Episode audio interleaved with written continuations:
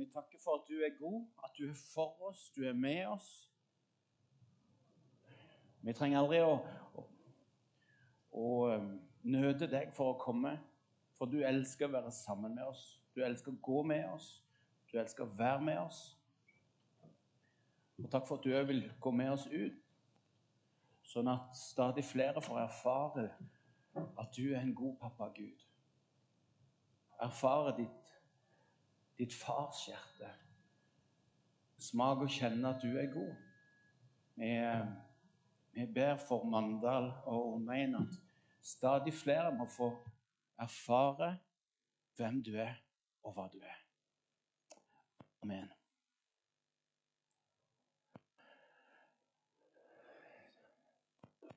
Tusen takk for uh, gaven til Kambodsja og kirka der og vekkelsen som pågår. Er du nysgjerrig på mer, så, så er det en sånn blogg vi har for at det skal gå an å følge med, som heter imisjon.no. imisjon.no. Så du, du, husker det, eller du kan høre oppdraget om igjen for å få det tak i. Der ser du video, der ser du ting fra gjengen om hva som skjer gjennom flere detaljer. Så igjen, tusen takk for gaven.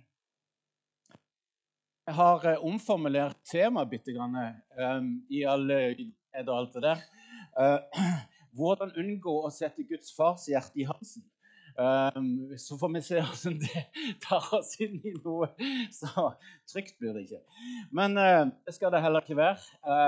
Dere har, dere har altfor mye trygghet som det er gjennom året, så da er det godt at dere inviterer inn litt galskap og litt sånn utenfor uh, boksen, på en måte. Kan bidra til det, så tror jeg det er nyttig. Uh, fordi vi trenger, vi trenger, både soliditeten i undervisning, og vi trenger dette her med å bli, bli få blikket utover. For strengt tatt så er vi ikke kirke for vår del. Men vi er kirke for de som ennå ikke har smakt og kjent at Herren er god. Ikke sant? Og det er jo noe av dilemmaet. For uh, det er jo så deilig godt her inne, og så er det så mye menneskefrykt i forhold til den der bevegelsen ut. Så i dag skal vi snakke, fortsette å snakke om dette temafokus som dere har hatt en stund nå, om Guds farshjerte. Har uh, hørt uh, meg opp på de undervisningene som ligger, ligger der ute. Johannes og Åge. og fantastisk. Har du ikke hørt dem, så må du gå inn og så, og så få med deg den helheten som dette etter hvert kommer til å bli. Eh, og det å forstå og erfare Guds farskjærlighet er, er så enormt viktig. Det er så revolusjonerende. Og det ser vi ute i den store verden, at de som har hatt en kristendomsform som har vært mye plikt, i det de erfarer Guds farskjærlighet, at, at Gud òg er pappa, så, så, skjer det noe som, som setter fyr på det hele. Så vi, vi, er i kjernen av noe av dette her som, som, um, som, vi må få tak i som Guds folk. Og det hjelper oss bort fra en sånn religiøs streben, strebing, streving, som vi lett um, kommer inn i. For, for, det religiøse i oss ligger så, så, så lett tilgjengelig. Det, det, er utrolig fort vi begynner å bli religiøse i det vi gjør. At fordi det skjedde sånn forrige søndag, så gjør vi noe det samme denne søndagen, fordi det virker jo. Og, og da er vi midt inne i en sånn religiøs tenkning på metodikk, på um, how to do it og sånne, sånne, ting som en kan lese om i en del bøker. Um, men Guds farskjærlighet tar oss bort fra den religiøse streben og bringer oss inn til hans hjerte og får tak i hva gjør du nå, Gud? Og um, idet vi oppdager at vi har en uh, god pappa Gud som elsker oss, så gjør vi ikke lenger noe for å oppnå eller fortjene Guds farskjærlighet. Men pga. Jesu døde oppstandelse så er vårt utgangspunkt at vi er elska av pappa Gud. Det er der hver dag begynner. Idet du tror på Jesus, så, så er det der det begynner. Hver morgen, hver dag, hele dagen. Ut fra at vi er elska av pappa Gud, og at han er strålende fornøyd med det. Ja, ja nei, nei. Ja. Han er strålende fornøyd med det. Hvis du har behov for de teologiske termene på dette, så handler det om at du er rettferdiggjort, og du er helliggjort. Og det, er liksom, det er så store begreper, det er liksom fremmed, men hvis du snur på rekkefølgen, så handler det om at han har gjort det rettferdig. At han har gjort det hellig. Sagt på med dagens ord han er strålende fornøyd med det. Og du er blitt hans barn. Du er arvet Guds ord. Du er hans favoritt. Det, det, det, prega av dette religiøse at, at, at det, det, skurrer for oss med en gang du hører at du er Guds favoritt. Så blir ja, men hva med de andre? Gud er så utrolig nydelig. Han klarer å ha oss alle som sin ene favoritt. Mens vi i vår verden, verden begynner å si men det går ikke an, for hvis én er favoritt, så er jo det motsetning til noen andre. Nei, ikke i Guds verden. Du er hans favoritt. Så vi tjener altså ut fra at han elsker oss først. Og, og det kunne vært eh, sånn sett eh, tema for hele, hele, hele denne talen. Det får jeg heller komme tilbake og ta en annen gang, og det kan ta noen andre ta det senere i denne serien. Men, men, jeg hadde behov for å begynne der, fordi det blir enda viktigere at, at, det, at vi begynner der når temaet er dette med å, å nå ut. At uh, Guds fars hjerte er for de der ute, og han kaller oss til å gjøre det kjent. og han og, og gjøre det tilgjengelig og invitere inn. Vi tjener ut for at han er Ikke for å, ikke for å uh, gjør han fornøyd med oss. Ikke for at han skal si 'Å, du gode og trofaste tjener, kom inn til min varme' eller fest. Eller. Du er allerede en del av den. Du er allerede god nok. Uh, og det blir viktig i dag når vi skal se uh, at Guds fars hjerte også innebærer at han vil at alle mennesker skal bli frelst, som Sissel Beate leste fra begynnelsen i dag, og bli disipler av ham. I, I, Det nye testamentet ser vi at han forlot de 99 for å lete etter den ene. Han solgte alt for den ene perla. Han møtte Saulus på veien, han her som var jurist, fanatisk eh, forfølger som drepte kristne, satte de i fengsel, forfulgte de. Han, han, han, gikk langt i å møte han på veien til Damaskus, og livet hans ble forandra. Han eh, oppsøkte Matteus, tolleren i tollboden, som, som jobbet for okkupasjonsmakten. Og møtte han og, og inviterte han inn som en av sine tolv. Og han nådde helt til deg, sånn at den store prisen ikke skulle være forgjeves.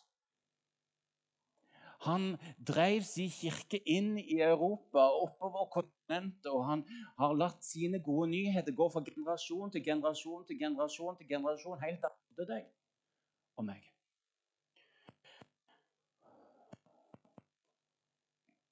For Gud elsker deg så høyt at han ofra sin eneste sønn for at du ikke skal gå fortapt, men ha evig liv når du tror på Jesus. Er vekkelsens tid forbi? Det er mange som spør seg i, i vår tid. Nei. Nei, bare. Fordi Gud har denne dype lengselen å elske mennesket alle mennesker skal bli frelst. 1. Tim 2,4. Han vil at alle mennesker skal bli frelst. Han har denne dype lengselen etter å elske. Etter å elske, etter at vi tar imot denne her Denne her unike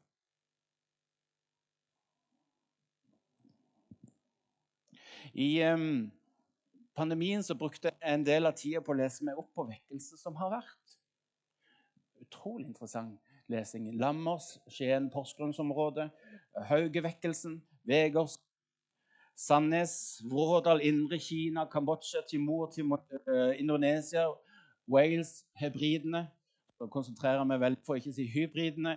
Um, ulike land, ulike verdener, ulike vekkelser uh, på ulike tidspunkt. Og så oppdager jeg at det er, det er flere fellesnevnere. Uh, og Jeg skal ikke gå så mye inn på de i dag. Um, du kan høre den talen jeg hadde i Nordkirken halv uh, sist. Der uh, går jeg inn i de. Jeg har lyst til å ta dagens tale litt inn på et annet spor, men hvis du har lyst og er nysgjerrig på det, så, så hør den. Men en av de fellesnevnerne er at i deres samtid Altså På den tida vekkelsen skjedde, og like før, så var det ingenting som tyda på at det var vekkelse på vei. Ikke i en av de vekkelsene jeg har lest om, så var det liksom Ja, det, det, det gir jo mening. Alt lå jo i lufta. Alt lå til rette for Nei, tvert imot. Det var høy grad av motstand. Eh, ganske så likt det vi ser i dag. Og det inspirerer på en rar måte. Så hvorfor skjedde det allikevel vekkelse, da? Når ikke det lå i lufta, når ikke det egentlig var åpenbart at det kom til å skje, når ikke 1 pluss 1 ble 2, og 2 pluss 2 ble 4 osv. Hva var det som gjorde at det likevel ble vekkelse? Og hva kjennetegna kirkas liv i den tida hvor vekkelsen brøt gjennom?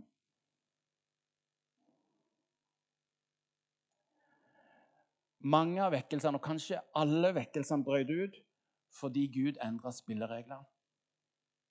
Fordi Gud endra spillereglene. Fordi Gud viser seg annerledes enn det vi så for oss.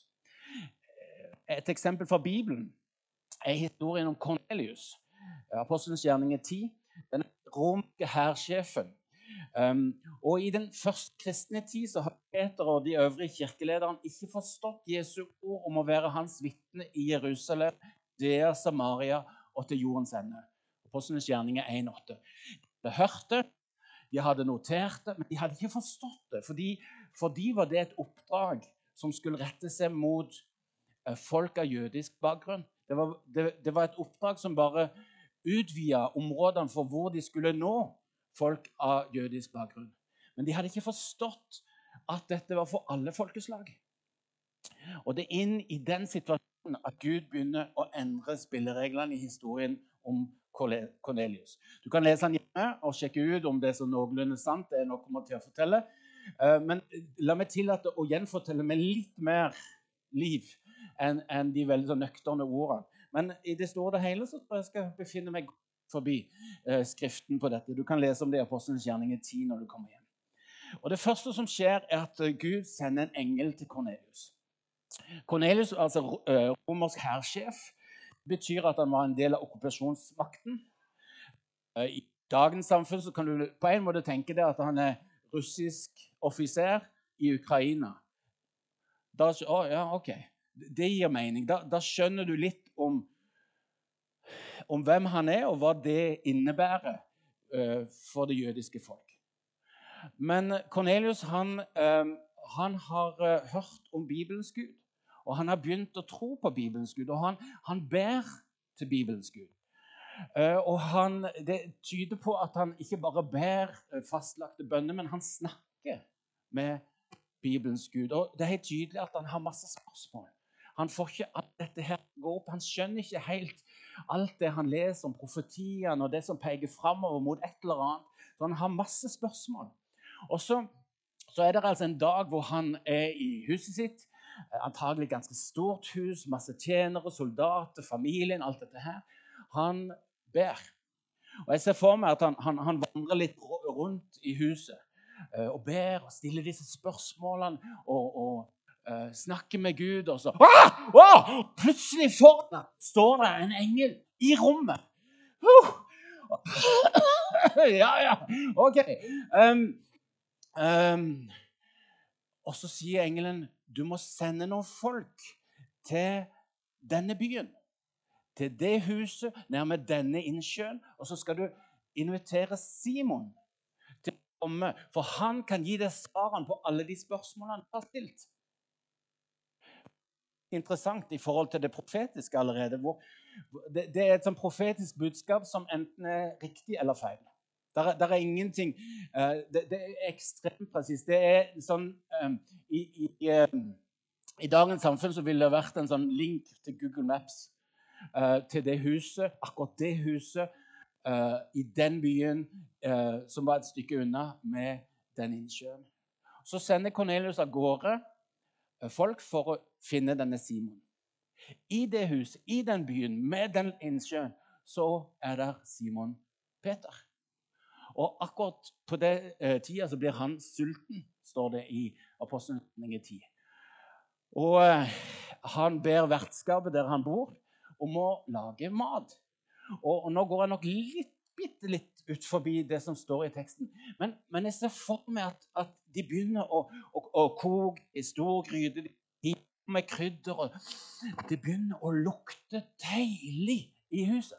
Eh, Det er sånn, og eh, det kombinert med at du er sulten, er jo alltid den beste kombinasjonen når maten ikke er helt klar. Så jeg innbiller meg at han klarer ikke å være i nærheten og går derfra opp på taket. Og Da er jeg tilbake i teksten. Eh, Og taket så får Peter et syn. Han faller i transe, står det. Interessant i seg sjøl. Og så får han et syn. Han ser en, en duk komme ned fra himmelen med ulike dyr oppe på denne eh, duken. Og der er bæ, og der er mu, og det er og det er hvorfor, Nei, kanskje ikke hvorfor, men, men det er ulike dyr på denne duken. Eh, og en stemme som sier 'Peter, drep og spis'. Alle dere som er vegetarianere, det røyk teologien. Eh, men drev og spis. Eh, og Peter sier nei, nei, nei, nei. Kommer ikke på det. Kanskje jeg gjør. Fordi flere av de dyrene på denne duken er ureine dyr. Hvis jeg spiser, så blir jeg urein. Så det mm, Nei, kommer ikke på tale. Og så kommer det en stemme som sier, men, men Peter, det Gud kaller rent, har ikke du lov til å kalle ureint? Og så, så går duken opp til himmelen igjen. Og så, så kommer han ned igjen. Det er forskjellig lyd på opp og ned. eh, helt klart. Og så, eh, og så eh, skjer det samme igjen. Eh, Peter, drep og spis. Peter sier nei, nei, nei, hvis gjør det, blir det urein. Og stemmen som sier, men det Gud kaller rent, kan ikke du kalle ureint? Og så opp igjen og ned igjen. Eh, og igjen det samme. Uh, og spis. Eh, Peter som sier nei, og stemmen som sier det Gud kaller rent, har ikke du lov til å kalle urent. Og så, så forsvinner det opp. La oss stoppe litt grann, um, før vi går videre i historien. For det er viktig å se allerede her hvor mange gode grunner Peter har til å avvise dette som en fristelse eller forførelse. Allerede det faktum at han er sulten, og at dette synet handler om mat, eh, burde i de fleste kirkeledere i Norge ganske mye alarm eh, klokke til å ringe hvis det unge Peter kommer og sier du, jeg, jeg fikk en visjon, jeg var supersulten. Og så kommer det masse mat ned fra himmelen, så, og så tror jeg det er Gud som taler til meg. Mm, ja, ja, nei, det, ja, du ser for deg allerede der er det noe som gjør det mulig å avvise det hele som, som noe Peter sjøl kom på, eller, eller muligens noe fra djevelen. I, altså, nærliggende. Og når du da i tillegg ser at det han blir bedt om å gjøre, går på tvers av tradisjonen, går på tvers av religionen og forståelsen Når du forstår eh, syn ut fra det ståstedet ber Peter om å synde For det er jo det det egentlig gjør. Han, han utfordres til å synde ut fra sitt ståsted, ut fra sin forståelse av Skriftene og tradisjonen. Så er det nærliggende å se for seg at Peter ville ha avvist det som noe som ikke var fra Gud. Og så banker det på døra. Der nede, i nærheten av kjøkkenet, banker det på døra. Og Peter går ned ifra, fra taket. Og, og han, på vei ned så hører han en stemme som sier de som er utenfor der, skal du gå sammen med. Du skal bli med dem hjem. Samme stemmen som hadde talt han på taket. Og så åpner han døra og så, hei, hullo, ja, og så forklarer de hvorfor de er kommet. Og så sier han det er meg som er Simon. Um, og eh, bestemmer seg for å gå med dem. Men først må de jo spise. De er jo fremdeles sultne, så de spiser. De overnatter, og dagen etterpå så reiser de av gårde i retning Cornelius sitt hus og hjem. Og det er sannsynligvis når Peter kommer utfor det huset, at han begynner å forstå at det han så oppe på taket, var fra Gud. Noe som tilsier at det kan være lurt av oss i møte med det profetiske ord å bruke tid, og ikke konkludere for tidlig. Som en sånn eh, ekstra eh, innsikt i dag. Eh, men det er først utenfor at han begynner å skjønne at dette var ikke min egen min egne tanke og idé, men det var fra Gud. Fordi han skjønner at hvis jeg går inn i Kornelius sitt hus, så er urein. Ifølge tradisjon, ifølge um, regler på den tida. Uh, folkene som Peter har med seg, blir sånn Nei, vi kan ikke gå inn der. vi kan ikke gå inn der. Og så forteller Peter denne historien fra taket. Og så går de inn. Og så bekrefter Gud for dem at det var en rett avgjørelse med at Den hellige ånd faller over Kornelius og familien og hele hans hus. Og, og en eller annen grunn som det ikke står noe om, så sier Peter Oi, ok, da er det jo ikke noe vits å, å undertale mer her. For de har jo fått Den hellige ånd akkurat sånn som vi fikk på pinsedag. Jeg vet ikke hvordan det så ut, men, men det var helt tydelig ingen tvil i Peters refleksjon på at Oi, men oi, oi de, de får den samme Hellige ånd som oss. Og så blir alle døpt. Litt sånn som historien om Philip og den etiopiske hoffmannen. Er, det noe i veien for at det kan bli døpt? Det var ingenting i veien for det. Uh, og hele Kornelius hus blir døpt til Jesus Kristus.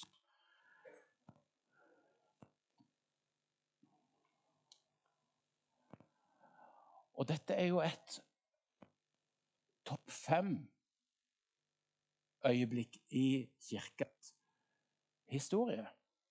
Hvor du har Jesu oppstandelse, hvor du har pinsedagens utgytelse. Så, så den, denne hendelsen som vi her ser inn på, er en sånn topp fem-hendelse i kirkas historie. For fra det øyeblikket så blir det tydelig at troa er ikke lenger bare for de med jødisk bakgrunn men er for alle folkeslag. Det er et sånn før og etter øyeblikk hvor de ikke hadde forstått hvor verdensvidt den kristne tro var meint til oss å være.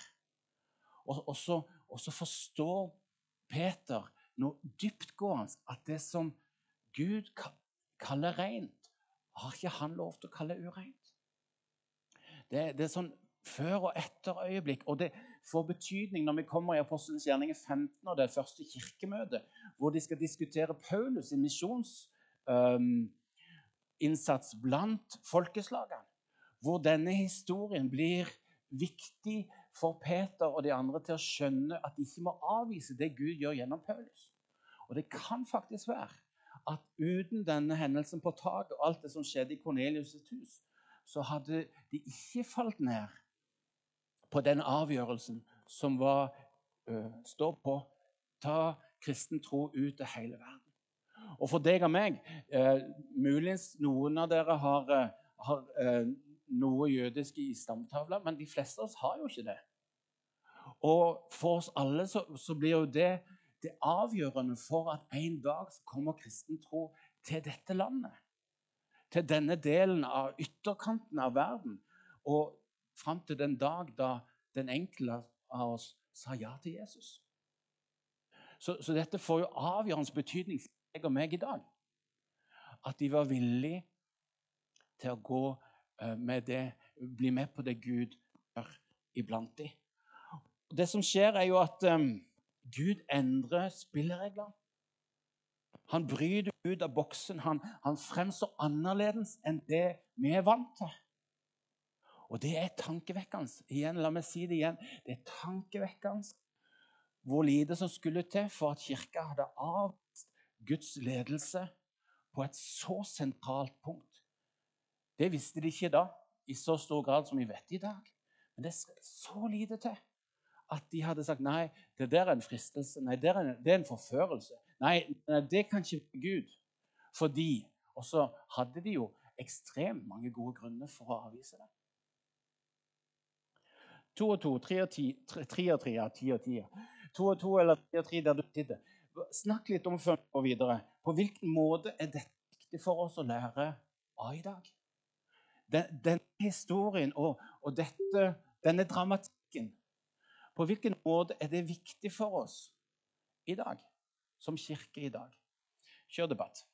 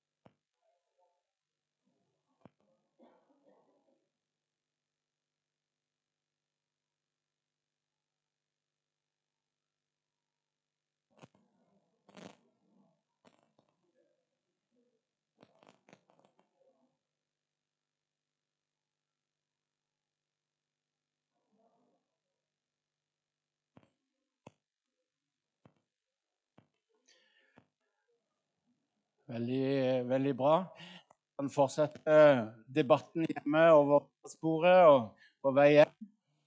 Um, og for du som hører det på nettet, så, så uh, snakk om det hjemme, eller sitt og tenk uh, Hvorfor er det sånn?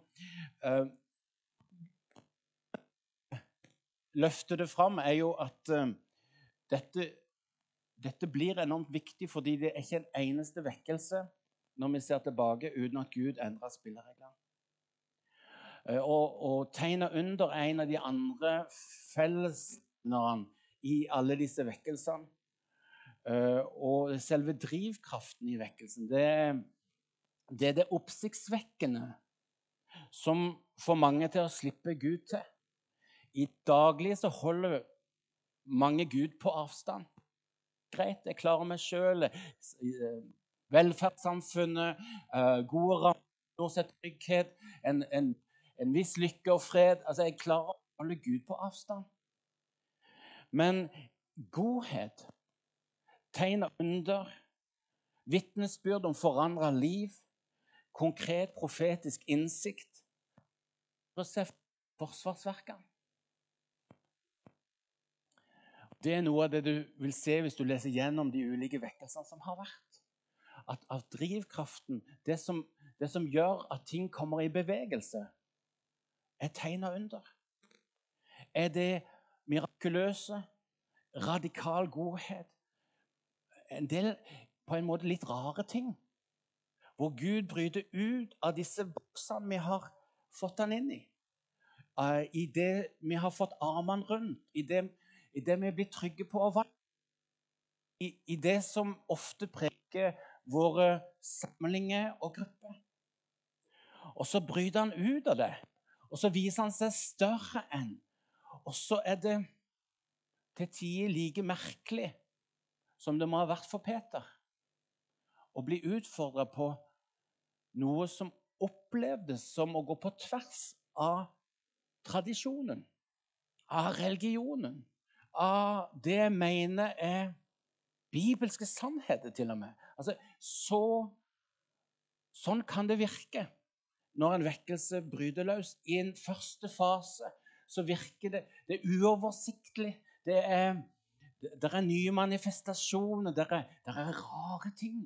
Leser om altså Bare det at Peter går i transe Hvis det skjer på bedehuset, så allerede da er vi i gang, og du skjønner liksom åssen uh, ting eh, henger sammen. Og at det, Oi, dette var utrolig uvant. Og så utfordres vi til å ta avstand fra det. For kan det virkelig være Gud? Er ikke han fredens Gud? Er han uordens Gud? Og så er vi inne i en sånn type diskusjon. Også, for å være helt ærlig så, så er jeg livredd for at når neste vekkelse kommer, så kommer jeg til å være blant de som, som står litt sånn Nei, nei det, dette har jeg aldri sett. Jeg, jeg, har vært ute i så mange forskjellige midtlandsland nå. Dette kan jeg. Nei, dette, dette ser ikke ut som Gud. Jeg liker å finne meg sjøl i en situasjon Det viste seg at jeg avviste det som var fra Gud. Eller er det ikke fra Gud? Kan det være en forførelse? Kan det bare være menneskeskapt? Hvordan skal vi vite forskjell på det når, når, når, når det Gud gjør, er annerledes? Når, det Gud gjør, utfordrer normene og tankene våre? Som han alltid gjør når det er vekkelse. Uten unntak. Jeg har ikke funnet en eneste vekkelse som gikk ordentlig for seg. Ifølge mine egne begrep om det burde se ut. I tidligere vekkelser har derfor media, samfunn og deler av kirka avvist Guds nye initiativ og hatt et himla trøkk mot det. Vi ser litt av det i, i forbindelse med Descent nå i sommer. Hvordan Vårt Land og Dagen og andre kjører på med et vanvittig trøkk. Uh, og det er ca. 10 000 som faktisk møter opp på en del av en fantastisk dag som var så ryddig og bra som du bare kan tenke deg. Men trøkket før gir oss et bilde av, av noe av det som kommer til å komme når vekkelse bryter ut. Og Det kommer til å være kirkeledere som står fram og sier nei, nei, dette er veldig skeptisk. Og, og, og, det er helt i orden. Og vi trenger en, en god refleksjon, og vi trenger innspillene. Men, men det blir avvist. Og vi står i fare for å gå glipp av det Gud bringer til landet vårt. Det kan til og med være folk som har bedt om vekkelse i 20 år, så når han kommer, så Nei, nei, dette, sånn, sånn, skal det ikke se ut. For var, i, på, i, 1950 da var det vekkelse, og da så det ikke sånn ut. Ja? Og så er vi inne i det.